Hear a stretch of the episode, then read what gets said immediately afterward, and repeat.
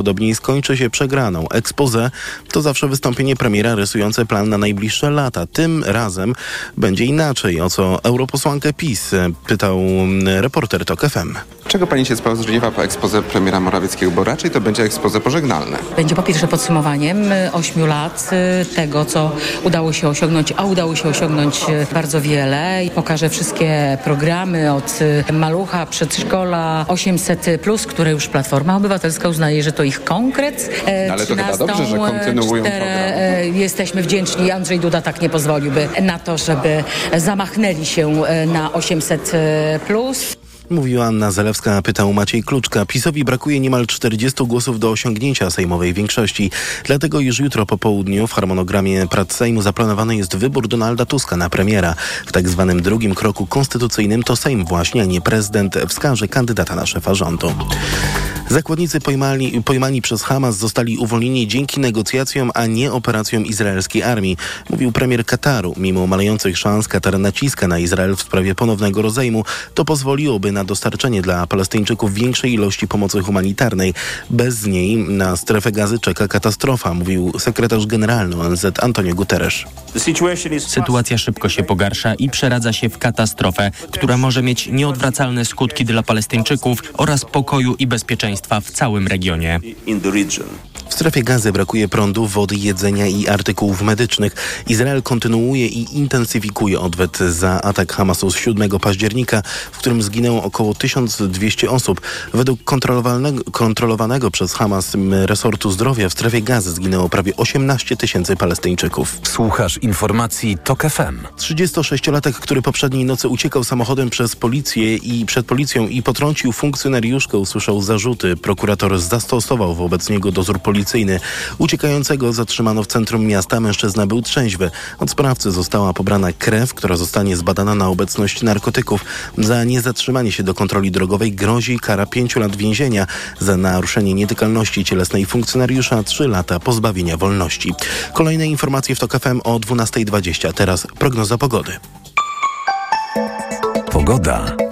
Dziś przez cały dzień zachmurzenie duże w całym kraju. Będzie padał deszcz y, i deszcz ze śniegiem, szczególnie w centrum i na wschodzie. Temperatura maksymalna od minus 2 stopni na północnym wschodzie, 2 stopnie w centrum, do 7 na zachodzie. Wiatr słaby i umiarkowany. Radio TOK FM.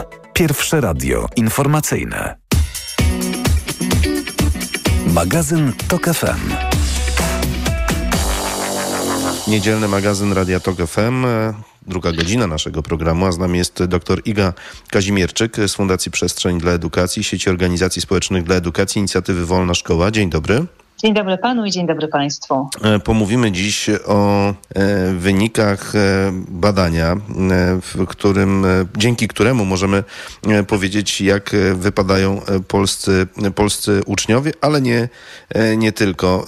Może najpierw powiedzmy, czym są w ogóle badania PISA, bo tak chyba się je określa i co przynoszą nam, jeśli chodzi o rok 2022.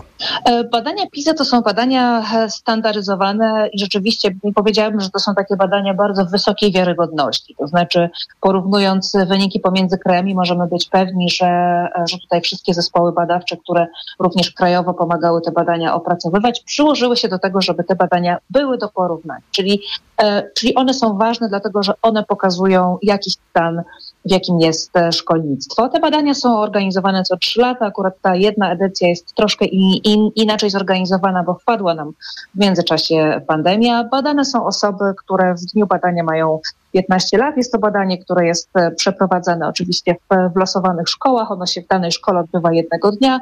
Uczniowie i uczennice rozwiązują wszystkie te zadania mm, na komputerach i są to zadania, to bardzo ważne, nie sprawdzające tego, co uczeń lub uczennica nauczyli się w szkole, tylko w jaki sposób oni tę wiedzę wykorzystują. Czyli jest to, e, jest to badanie, które sprawdza wykorzystanie tych informacji w bardzo praktycznych sytuacjach. PISA to akronim e, pewnie z języka angielskiego, Program Międzynarodowej Oceny Umiejętności e, Uczniów. E, Pani mówiła o 15-latkach, tym razem padło na rocznik 2006. Zgadza się. Tym razem padło na rocznik 2006. To jest też ten rocznik, który jest, który jest mm, no, rocznikiem reformy. To jest ten pierwszy rocznik, który był badany już po zreformowanej przez minister Zalewską szko- szkole. No i rzeczywiście tutaj w, tym, w tej edycji badania widać pewne zmiany, to znaczy widać, że coś w polskiej szkole się zmieniło. Mm, przejdźmy teraz do, do, do, szczegółów, ale jeszcze powiedzmy o próbie, bo ona jest dosyć szeroka, więc no chyba w bardzo dobry sposób oddaje te umiejętności przenoszenia wiedzy na praktykę. E, tak, rzeczywiście. To jest to, co mówiłam na samym początku e, naszej rozmowy, że tutaj jeśli chodzi o, o te kwestie metodologiczne, powiedziałabym, że chyba nie ma lepszego badania, jeśli chodzi o edukację. Nawet zastanawiałabym się, czy nie ma w ogóle lepiej przygotowanego innego badania. Chyba PISA rzeczywiście wyznacza takie bardzo wysokie standardy, jeśli chodzi o, o badania. I naprawdę wszyscy, e, którzy odpowiadają za polityki oświatowe i za to, żeby analizować to, co w polskim systemie albo w ogóle w systemach krajowych działa lub nie działa, powinni bardzo pieczołowicie, dokładnie i naprawdę drobiazgowo raporty z badań PISA czytać, bo rzeczywiście pokazuje nam to, co u nas się w szkole dzieje. No tak, ale jak szeroka próba to jedno, ale gdzie, prze... może inaczej, na uczniach z których regionów Polski, czy to są to aglomeracje, czy, czy są to jednak e, tereny mniej zaludnione, nie chcę mówić o prowincji, bo u nas ma to wydźwięk pejoratywny, to już ma, może mieć znaczenie, biorąc pod uwagę dynamikę rozwojową szkół. Może, ale dlatego właśnie badania standaryzuje się w taki sposób, żeby nie można było poddawać w wątpliwość tego, czy ta próba jest reprezentatywna. To jest właśnie to magiczne słowo, czyli że ta próba została wyłoniona w taki sposób, żeby o wynikach tych badań można było mówić e, w kontekście, czy też w uwzględnieniu całej populacji badanych uczniów i całego systemu szkolnego. Czyli tutaj nie dochodzi do takich sytuacji, że jakiś uczniów jest więcej albo jest mniej i dochodzi do jakichś zaburzeń takich ze względu na to, że no wiadomo, że jeśli będzie nad nadreprezentowana próba uczniów z dużych miast, to te badania mogłyby być w jakiś sposób niemiarodajne. E, to badanie rzeczywiście jest, e, jest wykonane na próbie reprezentatywnej. To przejdźmy teraz do, do wyników, jak wypadają polscy uczniowie, e, tak na tle światowym, jak i europejskim, bo tutaj myślę, że mm, te punkty odniesienia są bardziej interesujące, biorąc pod uwagę no, specyfikę systemu eduk edukacyjnego w Europie, który momentami jest gdzieś dość podobny. E, I tu może powinniśmy powiedzieć o pierwszej rzeczy, to znaczy, że średnio to my wypadamy zarówno w czytaniu, w matematyce, czy w naukach przyrodniczych e, nie tak źle. Nawet ten, ten wynik opisywał w ten sposób minister Piątkowski, mówiąc, że w zasadzie jesteśmy w czołówce krajów europejskich, e, że cały czas bywamy powyżej, powyżej średniej tych krajów OECD, ale no niestety diabeł tkwi w szczegółach i te szczegóły powinny chyba nas e, najbardziej interesować. To znaczy to, że Polska jest w średniej stawce, to oczywiście jest bardzo ważne, ale wszyscy wiemy skąd bierze się średnia. Stąd, że jest e, trochę tych, którzy robią czy potrafią więcej i trochę tych, którzy robią i potrafią mniej. I to jest w zasadzie to, co w badaniach PISA powinno nas najbardziej interesować.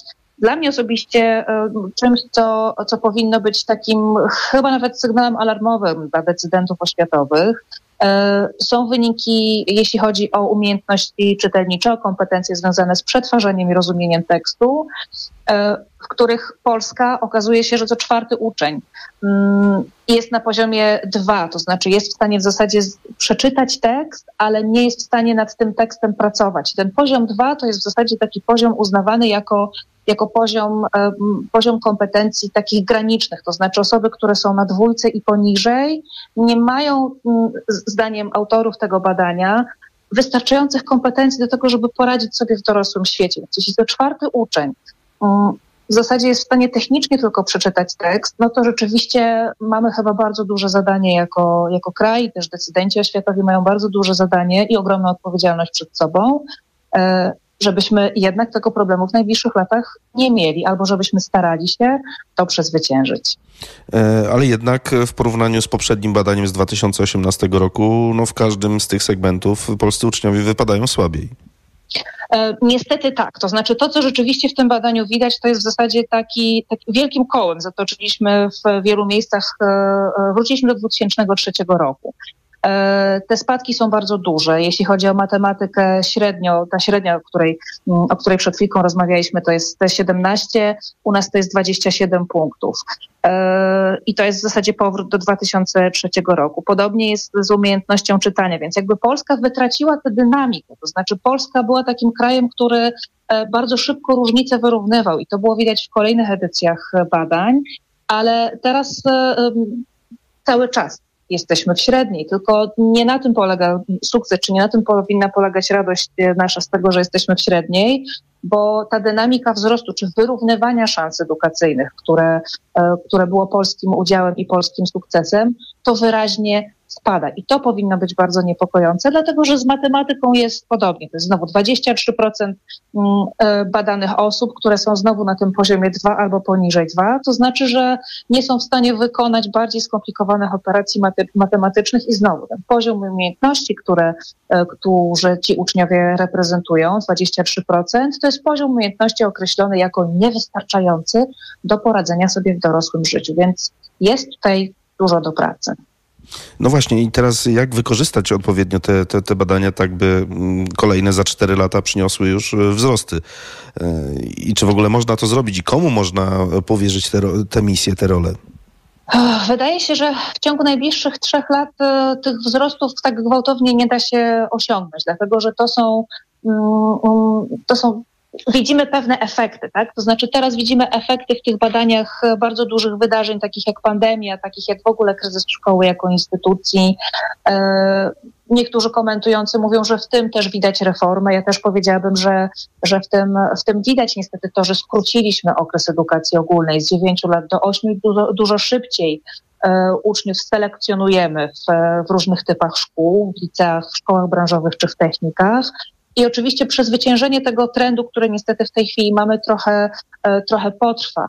Ale wydaje się, że to co, to, co powinno zostać zrobione, no to ja bym powiedziała, że ten program minimum, ten, ta wersja minimum, to jest to, żeby te badania potraktować rzeczywiście jako bardzo wyraźny, ważny i bardzo precyzyjny obraz szkoły i tego, co w systemie jest do naprawienia, bo na przykład nasze egzaminy po ósmej klasie czy egzaminy maturalne już tego zadania nie wyrównują. I jeśli jesteśmy na przykład przy czytaniu, to powiedziałabym, może odpowiem na Pana pytanie w drugą stronę. Co tym rozwiązaniem nie będzie? Na pewno nie będzie nim kolejna dyskusja o kanonie lektur.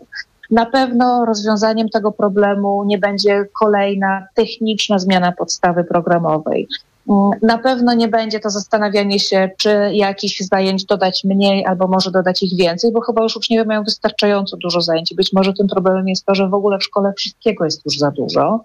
E, wydaje się, że jak Pan już bardzo konkretnie zresztą zadał to pytanie o to, co powinny zrobić osoby, które za chwilę za ten system będą odpowiadały, no to chyba jest moment na to, żeby pomyśleć o tym, czym polska szkoła ma być e, i w jaki sposób ona ma wyrównywać szanse. I dopiero potem refleksja o tym, co ma się w tej szkole zadziać, e, byłaby chyba właściwa. Na pewno nie dyskusja o kanonie lektur. Bardzo Pani dziękuję. Musimy niestety kończyć. Doktor Iga Kazimierczyk e, była z nami z Fundacji Przestrzeń dla Edukacji, sieci organizacji społecznych dla edukacji, inicjatywy Wolna Szkoła. Kłaniam się i do usłyszenia. Magazyn TOK FM. Autopromocja. Mała władza. Podcast Tok FM. Wyróżniony nagrodą Grand Prix w konkursie Podcast Roku. Zaprasza Andrzej Andrysiak. Dokładnie prześwietlamy w mediach tę władzę na górze, a tę na dole traktujemy pobłażliwie, bo jest samorządowa, bo blisko ludzi, bo przecież rozwiązuje ich problemy. Ale to tylko wersja oficjalna i PR, a nie rzeczywistość. Pojechałem do małych miejscowości, by sprawdzić, co się stało z naszą lokalną samorządnością. Mała władza. Tylko w Tok FM Premium. Słuchaj na tokefm.pl ukośnik władza lub w aplikacji mobilnej TOK FM. Autopromocja. Reklama. Stylowy i nowoczesny. Lexus UX. Świetnie wyposażony. Lexus UX. Już od 990 zł netto miesięcznie dla przedsiębiorcy? Tak. Teraz crossover Lexus UX dostępny jest już od 990 zł netto miesięcznie w leasingu Kinto One. Z wpłatą własną jedynie 10% i krótkim terminem odbioru. Wybierz doskonały rocznik w doskonałej racie. Lexus. Elitarny w każdym wymiarze. Marian? Mm? Ty wiesz, jak działają w Media Expert te multirabaty na święta? No, na kupowanie prezentów super działają. No posłuchaj, Barbara. Drugi produkt w promocji masz 30% taniej, lub trzeci 55%, lub czwarty 80%, lub rewelacja, piąty produkt za złotówkę.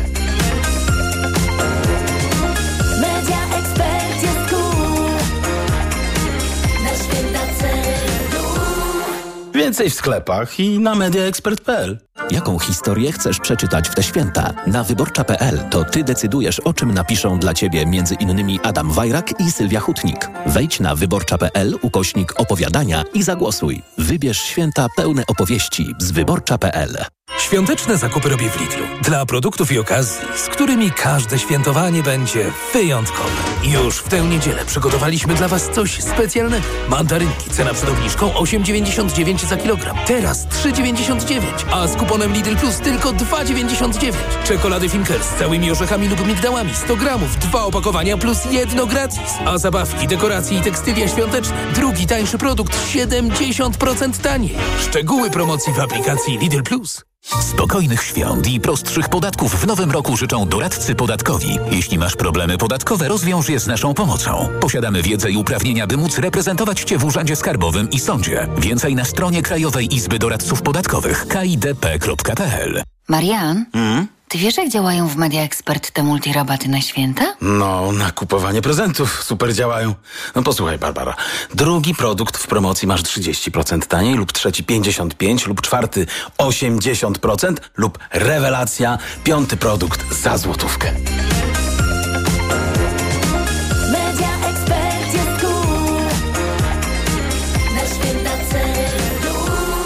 Więcej w sklepach i na mediaexpert.pl. Słuchaj, spotkałam go dzisiaj. Ma dla nas fantastyczne prezenty. Mikołaj? Jaki Mikołaj? Doradcę klienta dewelopera Archicom spotkałam. Tylko w grudniu limitowana oferta na mieszkania w topowych lokalizacjach. W Warszawie, Krakowie, Wrocławiu i Łodzi. Czekaj, czekaj, czyli kupując mieszkanie w grudniu, możemy zyskać. Nawet sobie nie wyobrażasz ile. W grudniu kupujesz, wiele zyskujesz. A Archicom to wiodący polski deweloper. Dlatego warto wybrać do końca roku swoje wymarzone mieszkanie na archicom.pl. Świątecznie niskie ceny w MediaMarkt. Teraz smartfon Motorola Edge 30 Neo za 899 zł. Taniej o 90 zł. Najniższa cena z 30 dni przed obniżką to 989 zł. Szczegóły w sklepach i na MediaMarkt.pl. Reklama. Radio TOK FM. Pierwsze radio informacyjne.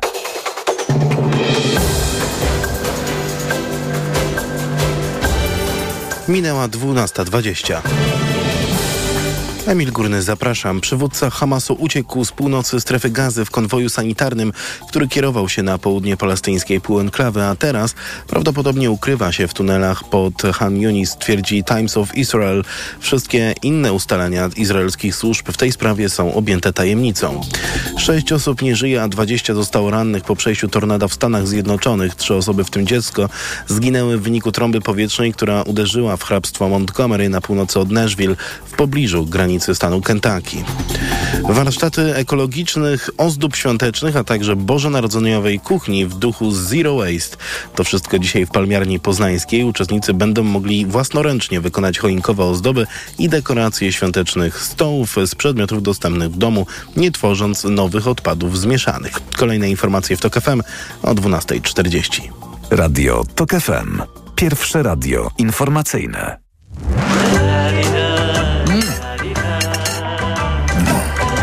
Przy niedzielnym stole. Przy niedzielnym stole Przemysław Iwańczyk, kłaniam się Państwu i zapraszam na rozmowę z Adrianą Marczewską, autorką książki Masło, kulinarny odpowiednik miłości. Dzień dobry, kłaniam się. Dzień dobry, dzień dobry Państwu. Właściwie nie wiem, czy ta rozmowa nie powinna przebiegać w takim dwugłosie ze strony gości. Po jednej stronie autorka książki, a po drugiej stronie e, lekarz, który no, nie powiedziałby pewnie, że masło jest e, odpowiednikiem miłości, na pewno medycznej. E, Tutaj mamy ten dysonans, nim zaczniemy rozmawiać o samej książce i o samym maśle. No to masło y, miało dorobioną przez lata y, taką straszliwą gębę potwornego składnika, który y, źle na nas wpływa, ale ma też bardzo dużo swoich plusów. Przecież spożywanie tłuszczy pomaga nam przyswajać witaminy, a samo masło jest źródłem witamin rozpuszczalnych w tłuszczach, na przykład witaminy A, która świetnie wpływa na nasze oczy, czy witaminy D y, wzmacniającej kości, albo witaminy E, która przez niektórych nazywana jest e, eliksirem młodości. Nim- Więc dużo plusów w tym maśle możemy znaleźć. Tak, ale nim też e, pomówimy sobie o prozdrowotnych e, właściwościach masła, to, to generalnie sobie narzućmy teraz e, e, taką agendę. Najpierw o samej książce. Co skłoniło ciebie do napisania takiej, takiej pozycji? No bo, bo jest wiele o kuchni włoskiej, kuchni śródziemnomorskiej. E, Polacy bardzo lubią odkrywać nowe, nowe smaki. Tymczasem wracamy jak gdyby do korzeni. Nie jest to kuchnia staropolska, tylko to jest e, taki pojedynczy jej fragment. Ja przez lata pracowałam jako szefowa kuchni i jako szefowa kuchni zgłębiałam i odkrywałam e, kolejne jakby poziomy i tajniki kulinarne. Zagłębiałam się coraz bardziej w kulinaria i masło e, w tym aspekcie mojego życia otwierało tak naprawdę najważniejsze techniki właśnie kulinarne. Czy to jest bastowanie steka, czy wspaniałe pieczenie e, jakichś ptaków, czy wyrabianie kremów, czy stabilizacja sosów, e, czy zabawa z ciastem. To masło po prostu e, jest e, taką e, spójną, e, spójnym produktem, który otwiera nam drzwi do wielu, wielu technik, ale też masło jest e, bardzo emocjonalnym składnikiem, który e, towarzyszy nam tak naprawdę od dziecka i towarzyszy nam w najważniejszych chwilach. Jest e, gdzieś tam tym składnikiem, który naprawdę chwyta e, za serce. Ja jestem wielką fanką masła i uważam, że jest go troszeczkę za mało, może u nas w takim świadomym e, spożyciu. E, Kocham je całym sercem i ta książka wydawała mi się po prostu jakoś tak wypłynęła ze mnie e, naturalnie. Jako szefowej kuchni i jako maślanej wielbicielki. No właśnie, po- powiedz e, proszę, dlaczego ludzie bardzo często, myślę o Polakach używających języka polskiego, co nie jest pewnie zaskoczeniem, e, z, takim, e, z taką nabożnością pochodzą, podchodzą do masła, mówiąc e, najczęściej masełko, to tak jak pieniążki często, co jest irytujące, prawda?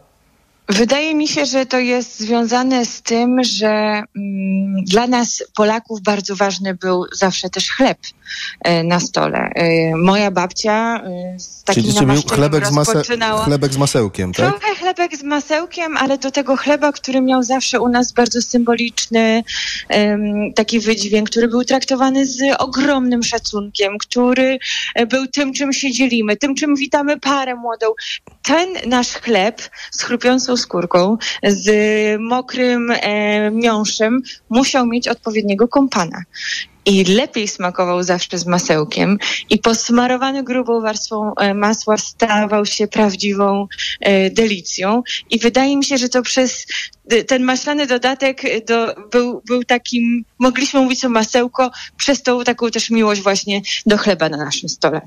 Mhm, wszystko rozumiem. E, Skąd w twojej książce mm, 110 e, maślanych receptur? No, albo jest 100, albo 10, to, to 110 musi się z czegoś wziąć. Albo jest 110 i, i w kuchni polskiej nie ma ani jednego więcej. W zasadzie jest e, na okładce jest napisane 110 i bułka z masłem, więc 111. Muszę przyznać, że te jedynki, jedenastki e, to, to jakieś takie moje ulubione liczby. E, Moja wyobraźnia na temat potraw z masłem jest nieograniczona i szczerze powiedziawszy musiałam tam mocno kombinować, żeby zamknąć się w jakimś numerze i, i co 111 gdzieś moja intuicja mi podpowiedziała, aczkolwiek muszę przyznać, e, drodzy słuchacze, że tych przepisów jest troszeczkę więcej, bo w każdym e, przepisie jest też kilka elementów, prawda? Jak mamy jakiś tam przepis na danie, to jest przepis i na sos, i na jakieś tam e, dodatki, więc tych przepisów tak naprawdę jest więcej. Mhm. Masła, żeby nie powiedzieć masełka, używa się częściej w, w kuchni wytrawnej czy w kuchni słodkiej? Ojejku, w mojej książce jest dziesięcioro również wspaniałych gości, moich przyjaciół, ludzi, e, których podziwiam. Bardzo cenię. I dzięki nim udało mi się to masło pokazać z bardzo wielu różnych perspektyw. Jednym z moich gości jest bardzo e, znany, energetyczny miłośnik gastronomii, raper Wienio. Jest e, malarz e, i DJ Michał Torzecki. Jest mój partner i fotograf, który wykonał zdjęcia do tej książki Grzegorz Pastuszek. Ale jest też na przykład Piotr, Ostrowski, który jest wybitnym e, piekarzem. Jest Dominika e, Domobejk e, Matysiak, która jest wspaniałą cukierniczką. Jest Piotr Wójcik, szef kuchni. Marcin Duda, też szef kuchni, który specjalizuje się w rybach. I tak naprawdę każdy z nich pokazuje mm, to masło z zupełnie innej strony.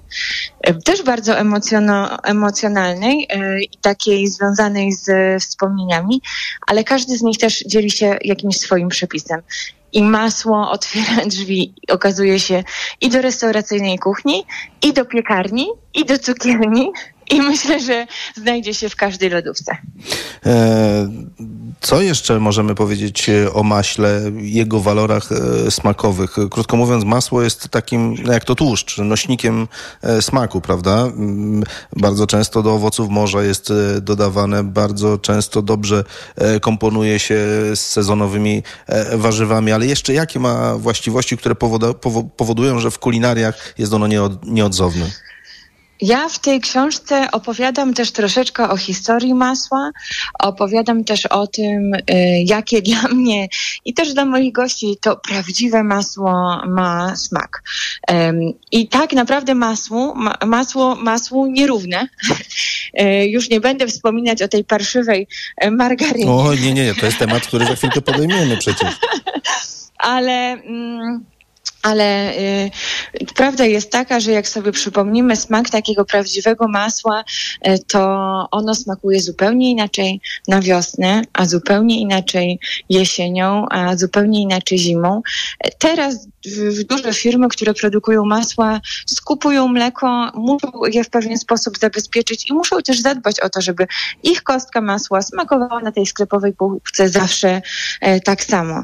E, ja pamiętam i myślę, że dużo osób i dużo naszych słuchaczy też pamięta smak takiego prawdziwego masła, takiego ubitego w domu.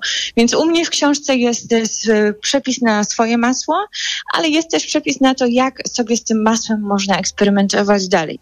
Czy je uwędzić, czy zrobić masło palone, czy masło klarowane, czy wędzone, czy mamy też e, sporo przepisów na masła smakowe i to nie tylko to ziołowo-czosnkowe, które tak dobrze znamy z różnych e, grillowych e, imprez i spotkań.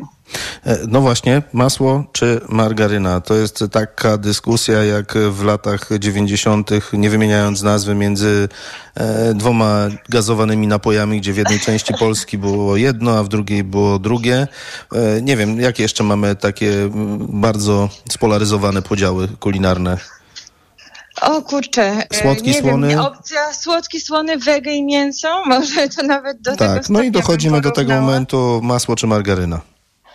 No ja jestem zdecydowanie, jak widać i słychać, e, team e, masło. Myślę, że mm, to też e, musimy brać poprawkę na to, że te badania, które jeszcze wiele lat temu potwierdzały nam i pokazywały e, to, ten zły wpływ e, masła na nasze życie, e, teraz już e, mamy też dostęp do, do nowych, e, nowych badań, które troszeczkę ten mit obalają. Myślę, że zawsze, ale to przede wszystkim zawsze chodzi nam i ważny jest po prostu jakość naszego produktu oraz jakiś jednak umiar. Mm, A czy Może istnieje, zdro- niekoniecznie. Mhm. a istnieje zdrowa, zdrowa mm, ilość masła? No ja nie jestem w stanie niestety odpowiedzieć na to pytanie, bo moja miłość do masła po prostu tutaj wygrywa z rozsądkiem, ale mogę zapewnić, że wiodę bardzo przyjemne i smaczne życie. Mhm. E, Dobrze, to co jeszcze inaczej pojawia się w książce, czego maśle nie wiemy, czyli nie jest wiedzą powszechną? Myślę, że wiedzą powszechną nie do końca jest to, że masło e, w Indiach uważane jest za produkt e, święty, na przykład. E, I że e, w tamtejszej... Bo pochodzi od religii- świętych krów? E, W pewien sposób tak, ale też masło klarowane, czyli masło ghee, e, jest też magicznym, e, magicznym składnikiem, który wykorzystywany jest do różnych e, obrzędów. E, Zapalane są e, i stworzone z takiego masła też e, świece, które e, palone są na, na e, specjalnych e, ceremoniach. Oraz e, samo przesmażenie czegoś na klarowanym maśle sprawia, że nieczysta potrawa staje się potrawą czystą. E, W książce też jest bardzo dużo różnych informacji, anegdotek. Przy każdym przepisie jest jakaś kulinarna historia. E, No i te historie moich gości oraz ich przepisy tutaj otwierają nam możliwość całkiem fajnej maślanej zabawy. E, masło dla każdego, niezależnie od wieku? Ja jestem takiego zdania, tak, zdecydowanie. Yy, moim zdaniem z masłem wszystko smakuje lepiej. I nie trzeba go używać w jakiejś e, ogromnej e, ilości, żeby wszystko e, było to odrobinę e, smaczniejsze, a nawet nie odrobinę. Jeżeli ma się opanowane podstawy technik kulinarnych, jeżeli wie, co się robi w kuchni, a ta książka trochę podpowiada, no to masło nam otwiera tutaj e, drogę do, do zabawy. Trzeba z nim też umiejętnie po prostu e, podchodzić. Jajecznica na maśle u ciebie, czy jednak na szynce? Nie, na masełku. Na masełku, ale mój trik jest taki, że do mojej jajecznicy dodaję podczas gotowania, e, podczas smażenia odrobinę śmietanki i serwuję ją trochę, tak nazwałabym to po staropolsku, czyli z uprażonym na patelni e, razowym chlebem razem z przyprawami. Bardzo ciekawy sposób. Bardzo dziękuję za rozmowę. Adriana Marczewska, autorka książki Masło, kulinarny odpowiednik miłości, była dziś z nami podczas niedzielnego obiadu Radia Tok FM. Bardzo dziękuję i smakowitego dnia. Przy niedzielnym stole, niedzielny obiad, jak zwał, tak zwał, ale na maśle dzisiaj e, było. E, Kłaniam się Państwu, Tobie też, zapraszając na informacje.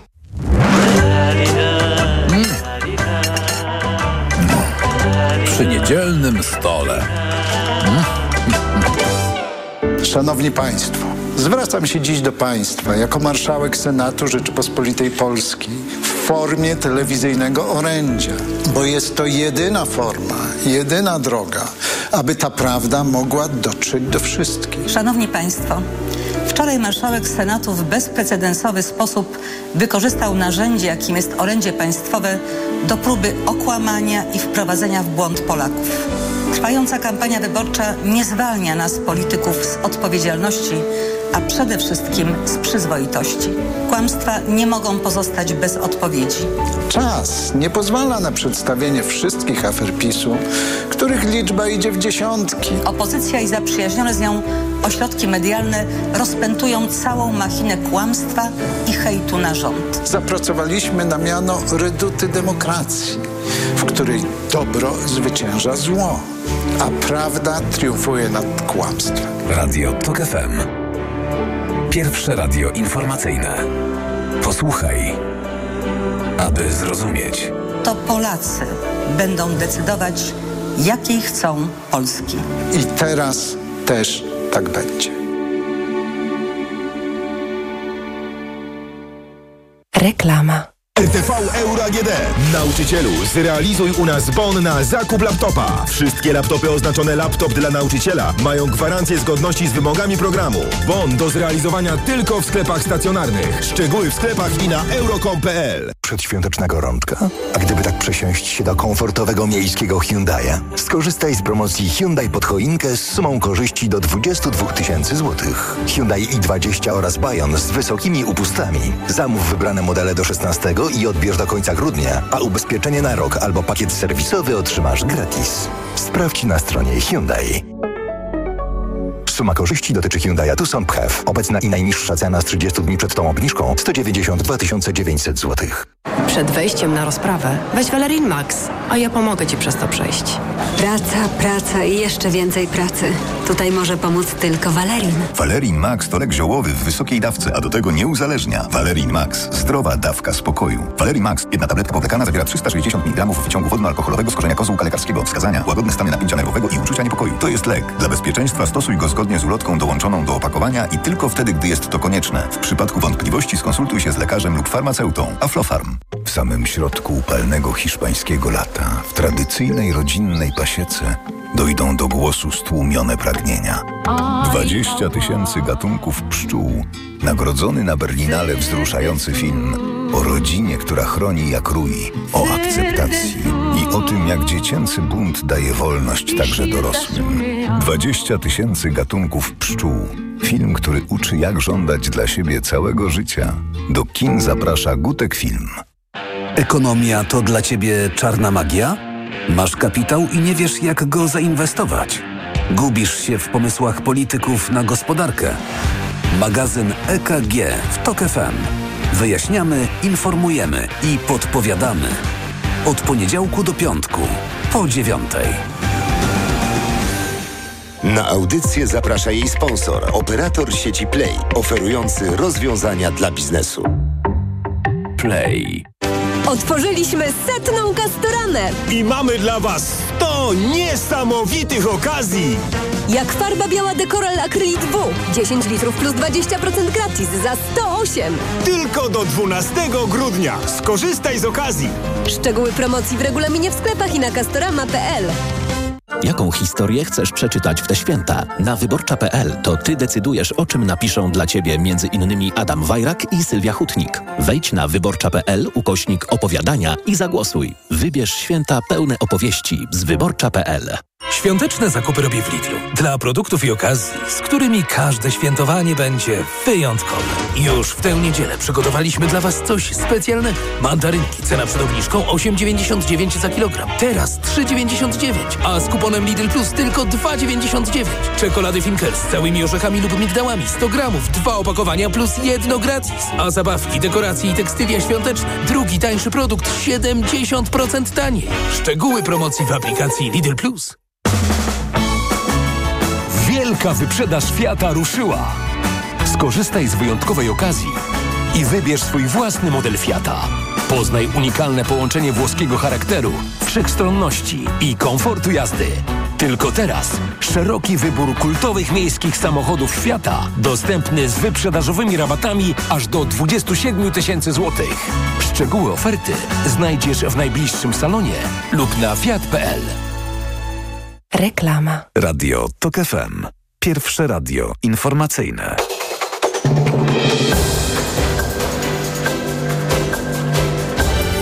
Minęła 12.40. Emil Górny, zapraszam. 109 godzin wciąż muszą czekać kierowcy ciężarówek na przekroczenie granicy w Medyce. Kolejki to skutek trwającego protestu przewoźników i rolników. W korku rozciągającym się na 24 km stoi 218 ciężarówek. To będzie wyjątkowo polityczny tydzień. Jutro swoje expose wygłosi premier Mateusz Morawiecki. Później posłowie zagłosują nad wotum zaufania dla rządu Zjednoczonej Prawicy. Jak wszystko na to wskazuje, po przegranym przez obecną ekipę głosowaniu Sejm na premiera wybierze kandydata nowej większości Donalda Tuska. Więcej na ten temat w informacjach o 13. Ruszyło odstraszenie wilków na Opolszczyźnie. Do końca roku w gminie Paczków zostaną odpalane petardy, które będą odstraszać zwierzęta. Akcja rusza po ataku na jedno z gospodarstw, gdzie wilki zabiły kilka sztuk zwierząt hodowlanych. Następne informacje w TOK FM o 13. Radio TOK FM. Pierwsze radio informacyjne. Jak z dzieckiem? Jak z dzieckiem w niedzielnym magazynie Radia Tok FM. Przemysław Iwańczyk. Kłaniam się Państwu. Łączymy się teraz z naszym redakcyjnym kolegą Michałem Janczurą. Dzień dobry Michale. Dzień dobry. I, I pozwolisz, że nim zadam Ci pierwsze pytanie, to nakreślę kontekst naszej rozmowy, a może nawet odwołam się do wydarzenia sprzed e, kilkunastu dni. Otóż 20 listopada obchodziliśmy Międzynarodowy oraz Ogólnopolski Dzień Praw e, Dziecka, a łączymy się e, z Tobą także z tego powodu, że jesteś autorem, o czym warto mówić, nowego, nowego serialu, nowego podcastu, który nosi tytuł Niedorzecznik. Przyglądasz się w nim działalności, decyzjom, jakie były podejmowane, też budziły wątpliwości, kontrowersje Mikołaja Pawlaka, czyli Rzecznika Praw Dziecka, który kończy swoją kadencję. Dość wymowny jest tytuł tego, tego serialu, Niedorzecznik i prosiłbym Ciebie o, o to wyjaśnienie. Sam tytuł Niedorzecznik nie jest mojego autorstwa. Od razu sobie tutaj odmawiam, bo nie chcę sobie przypisywać autorstwa tego sformułowania, bo ono się już przewijało w mediach. Szczerze mówiąc, nie dotarłem do tego, kto użył go jako pierwszy. Natomiast, natomiast i politycy, i organizacje pozarządowe używały tego sformułowania. I przerażające jest to, jedna osoba wczoraj właśnie na, w mediach społecznościowych mi napisała, że jak tylko zobaczyła tytuł, to od razu wiedziała, o kogo chodzi w kraju, gdzie mamy pewnie tysiące różnych rzeczników prasowych, obywatelskich, tych rzeczników jest mnóstwo rzecznicy praw konsumenta, praw pacjenta. Sformułowanie niedorzecznik, zdaniem tej osoby bez żadnego kontekstu idealnie pasuje właśnie do tej osoby, o której mówimy, czyli o rzeczniku praw dziecka. Niektórzy mówią szczęśliwie ustępującym i ja się do tego w jakiś sposób przypisuję. No też mój serial jest troszeczkę tego wyrazem. Od razu zaznaczę, że nasz trzyodcinkowy serial nie jest przeglądem tak naprawdę kadencji, to znaczy nie, zaczynamy omawiać wszystkiego po kolei i nie podsumowujemy statystyk związanych z pracą Rzecznika Praw Dziecka, tylko raczej skupiliśmy się na pewnych e, fragmentach, na niektórych głośnych sprawach, e, które były udziałem e, Mikołaja Pawlaka i na niektórych sprawach, o których opinia publiczna nie wie wiele, albo wie o nich z jednej perspektywy, a my staraliśmy się nakre- nakreślić zupełnie inne, inne tło i mam nadzieję, że nam się udało. E, Michale, pozwolisz, e, że zapytam Ciebie najpierw o świadomość e, Polaków dotyczących w ogóle tego, tego stanowiska. Na potrzeby naszej rozmowy też e, zapytałem kilkoro znajomych, e, ludzi światłych, e, z czym kojarzy im się ta funkcja, z kim kojarzy im się ta funkcja, wreszcie czego oczekiwaliby po ludziach zajmujących to, to, to stanowisko i, i gdzie dwukrotnie zdaje się wybrzmiało, że Rzecznik Praw Dziecka to, to, to chodzi, nie wiem, o tego, który przyznaje ordery uśmiechu, chodzi o kawalerów orderów uśmiechu. Dlaczego o tym mówię, dlaczego o tym wspominam? Bo być może nie doceniamy e, tego stanowiska, tej roli, jaką powinien rzecznik e, pełnić. I, i też e, proszę, ty wyraź swój pogląd na ten temat, w jaki sposób ty spoglądasz na te, na te funkcje, bo przyznasz, że w, w dobie, a jesteśmy teraz w tym momencie zmian politycznych, no nie jest to najbardziej pożądane stanowisko, nie jest to też taka synekura, o którą zabijaliby się politycy z pierwszego szeregu. A może właśnie należałoby całkowicie polityków wyłączyć z tej dyskusji? Niestety, e, no o tym między innymi mówimy. To znaczy, w każdym odcinku pojawia się wątek polityczny.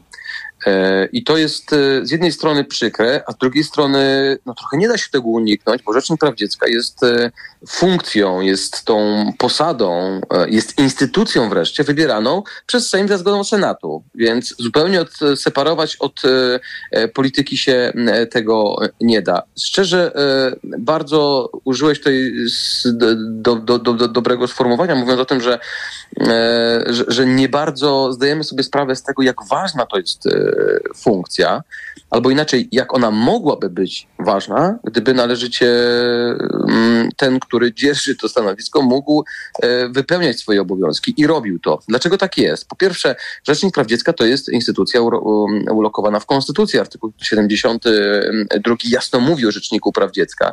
Czy nie jest to jakiś tam organ, tylko rzeczywiście jedna z e, ważnych, z ważniejszych postaci w państwie, bo jak wiemy, nie wszystkie funkcje są wymienione w Konstytucji. A tam jest jasno powiedziane, że Rzecznik Praw Dziecka, jego funkcjonowanie jego biura reguluje e, ustawa i to, to jest zawarte w Konstytucji, więc jest to konstytucyjny organ. Druga sprawa jest taka, że wyobraźmy sobie, że we wszystkich postępowaniach rodzinnych w kraju a tych postępowań są setki tysięcy. Rzecznik Praw Dziecka może tam przystępować, jeśli tylko wyrazi taką zgodę, na prawach prokuratora.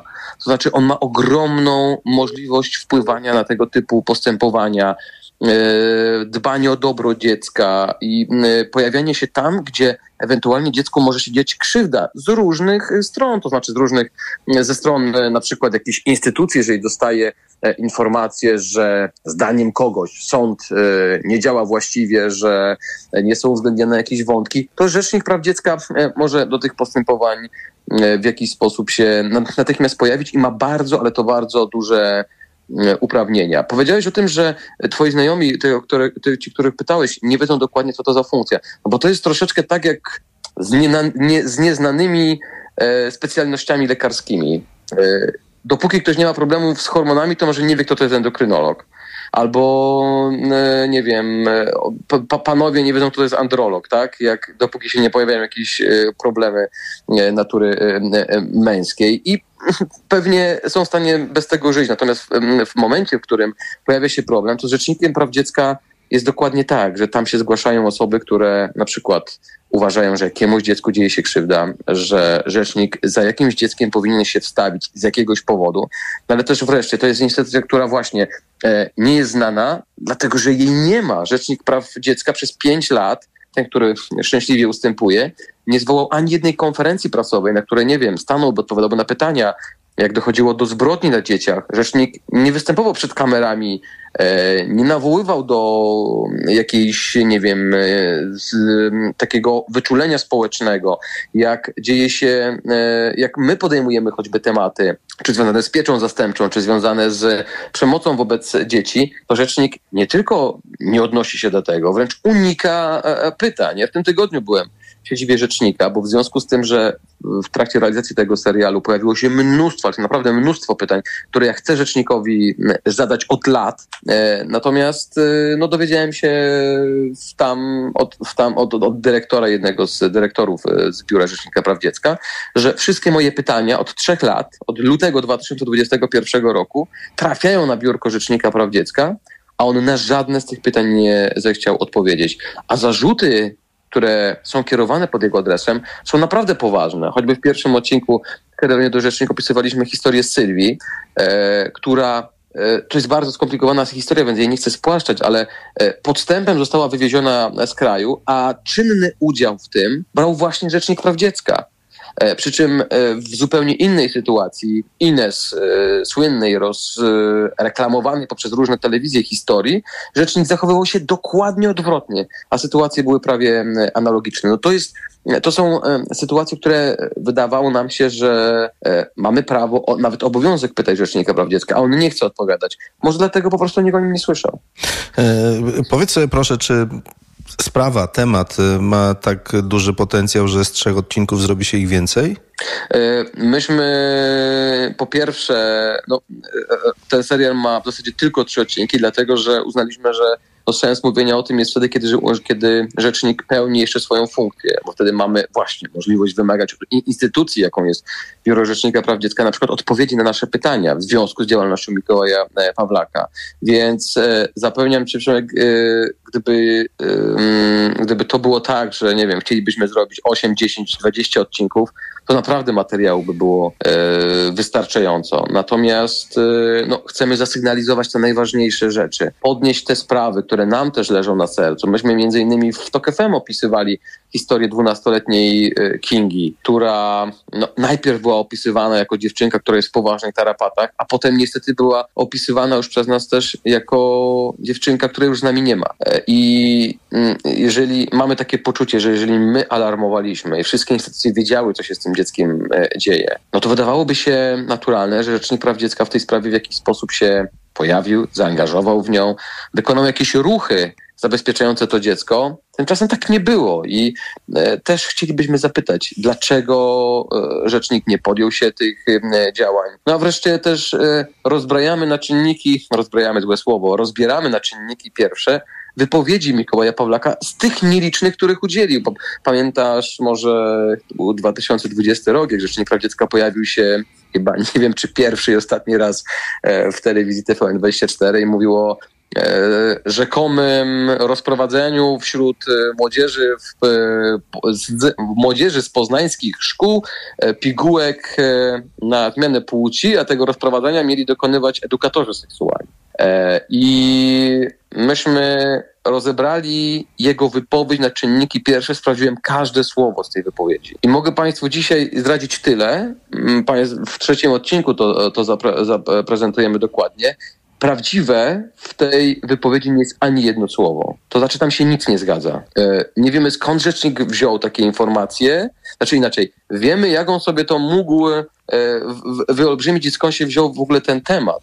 E, natomiast to, jak on to przedstawił, nie miało nic y, wspólnego z prawdą. I takich tematów było więcej. Mnóstwo rzeczy podporządkowanych niestety ideologii. E, I mm, e, też to, co przedstawiliśmy w drugim odcinku, e, czyli relacje pomiędzy Rzecznikiem Praw Dziecka a Komisją do Spraw Pedofilii, które nie istnieją. Wydaje się naturalne, jeżeli są dwie instytucje, które z natury swojej rzeczy mają dbać o dobro nieletnich, tak? No bo i mm, te przestępstwa wykorzystywania seksualnego nieletnich, y, które są w zainteresowaniu Komisji do Spraw Pedofilii, ale także e, dbanie o dobro e, dzieci, no wydaje się to korespondować. Tymczasem okazuje się, że przez e, trzy lata praktycznie te instytucje ze sobą nie współpracują.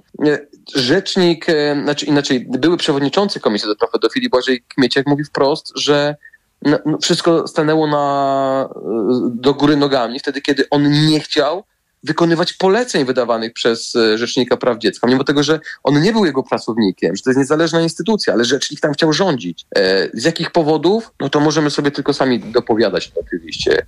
Natomiast e, przerażające jest to, że, że Błażej Kmieciak dzisiaj już nie jest szefem Komisji do Spraw Pedofilii, ale był nim przez dwa lata, opowiadał nam, że zwracali się do Biura Rzecznika Praw Dziecka w sprawie konkretnego chłopca, który znalazł się w ogromnym niebezpieczeństwie i chodziło właśnie o to, żeby wykorzystać te kompetencje, którą ma Rzecznik Praw Dziecka, przystąpienia do postępowania rodzinnego, bo Komisja do Spraw Pedofilii tego nie może zrobić, a Rzecznik może. E, I niewyobrażalną rzeczą jest, że Rzecznik Praw Dziecka w tej sytuacji odmówił tej współpracy. E, po prostu w głowie się to nie mieści, że w państwie prawa, w, wydawałoby się nam w miarę uregulowanych jakiejś odpowiedzialności za niepodejmowanie też e, e, działań, że takie rzeczy mogą się wydarzać, ale się e, dzieją. Ja też znalazłem jedną, w jednej ze spraw, którą, o której mówimy, doszło do tego, że zostało złożone zawiadomienie o możliwości popełnienia przestępstwa przez Rzecznika Praw Dziecka.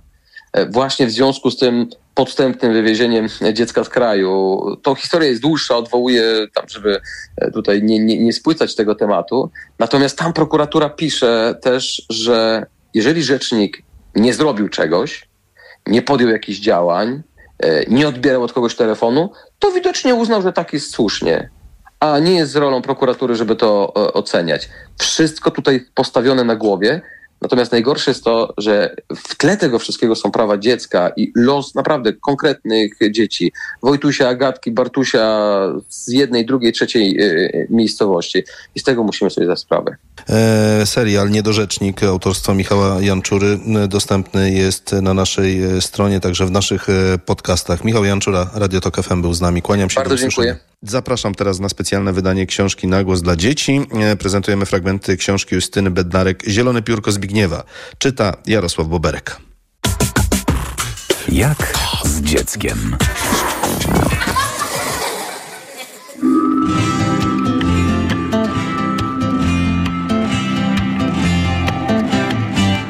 Kłopoty były. I to poważne. W momencie, w którym Pinkerton dyskretnie przekroczył próg sklepu Merda Ogon, wóz policyjny zaparkował przed drzwiami rodziny małej B. Dzień dobry, powiedziała mama, choć bez specjalnego entuzjazmu. Mm, brak entuzjazmu, jak się okazało, był całkowicie uzasadniony. Dla kogo dobry, dlatego dobry. Mruknął policjant i niezbyt grzecznie przecisnął się obok mamy, torując drogę swojemu koledze. Obaj wkroczyli do salonu, gdzie tata przymierzał się właśnie do prasowania koszuli. Pójdzie pan z nami, oświadczyli chórem, nie zważając na szczekanie psa i lament mamy. Ale, ale dlaczego? Jęknął tata. Właśnie, dlaczego? Zawtórowała mu mama. Zostawcie mojego tatusia! krzyknęła mała B, a kawek podkulił ogon i schował się pod kanapę. Musimy pana przesłuchać w związku z napadem na sklep zoologiczny.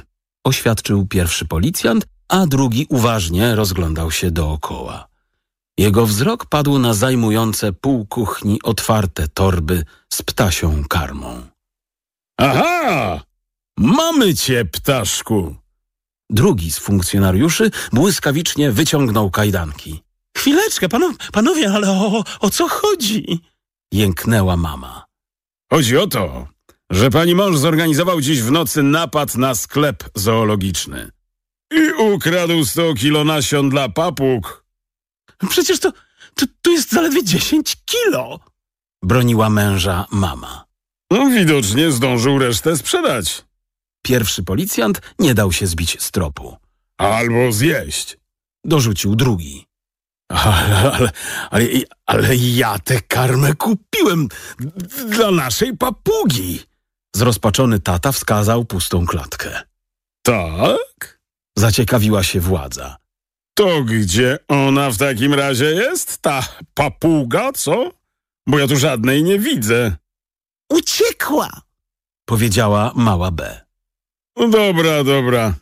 Policjanci uśmiechnęli się uśmiechem, który miał znaczyć bujać to my możemy, ale nas nie da się oszukać. Jak nam pokażecie papugę, to wrócimy do rozmowy, a na razie zabieramy pana do aresztu. A potem wcisnęli rozpaczliwie wierzgającego tatę do auta i odjechali z piskiem opon. Tymczasem Pinkerton przechadzał się między puszkami z psią karmą i kocimi chrupkami, zaglądając ciekawie do klatek, w których siedziały różne zwierzaki. Chomiki, węże, myszoskoczki, ogromne karaluchy, pająki, ptaszniki. O, nie zazdroszczę wam, oj nie, mruknął do siebie nasz zielony detektyw, zastanawiając się, co by było, gdyby w tej chwili pootwierał wszystkie klatki i zwrócił biedakom utraconą wolność. Po chwili zadumy odpędził tę pokusę. Doszedł do wniosku, że na wielką ucieczkę przyjdzie czas, gdy odnajdzie Zbigniewa. Poza tym, gdyby wypuścił je wszystkie naraz, a nie bezpiecznie jedno po drugim, mogłyby się wzajemnie pozjadać, a tego bynajmniej nie chciał. Też uważam, że lepiej ich nie wypuszczać. Odezwał się głos za jego plecami. Zaskoczony Pinkerton odwrócił się. W niewielkim terrarium wśród roślinek i kawałków kory siedziało dziwne zwierzątko. Wyglądało jak stonoga, tylko że było ogromne. To prawda. Jestem największą stonogą na świecie. Po raz drugi stworzenie przemówiło, jakby czytało w myślach skarpetki detektywa. Pozwól, że się przedstawię. Skolopendra gigantea, czyli po naszemu skolopendra olbrzymia. Dla przyjaciół Klemens lub Klemek. A, mam nadzieję, że Klemek nie jest jadowity, pomyślał Pinkerton, a wielonożny zwierzaczek natychmiast zachichotał. Co też, co też ci po głowie chodzi, kolego? Owszem, jestem jadowity, ale tylko dla wrogów. Dla przyjaciół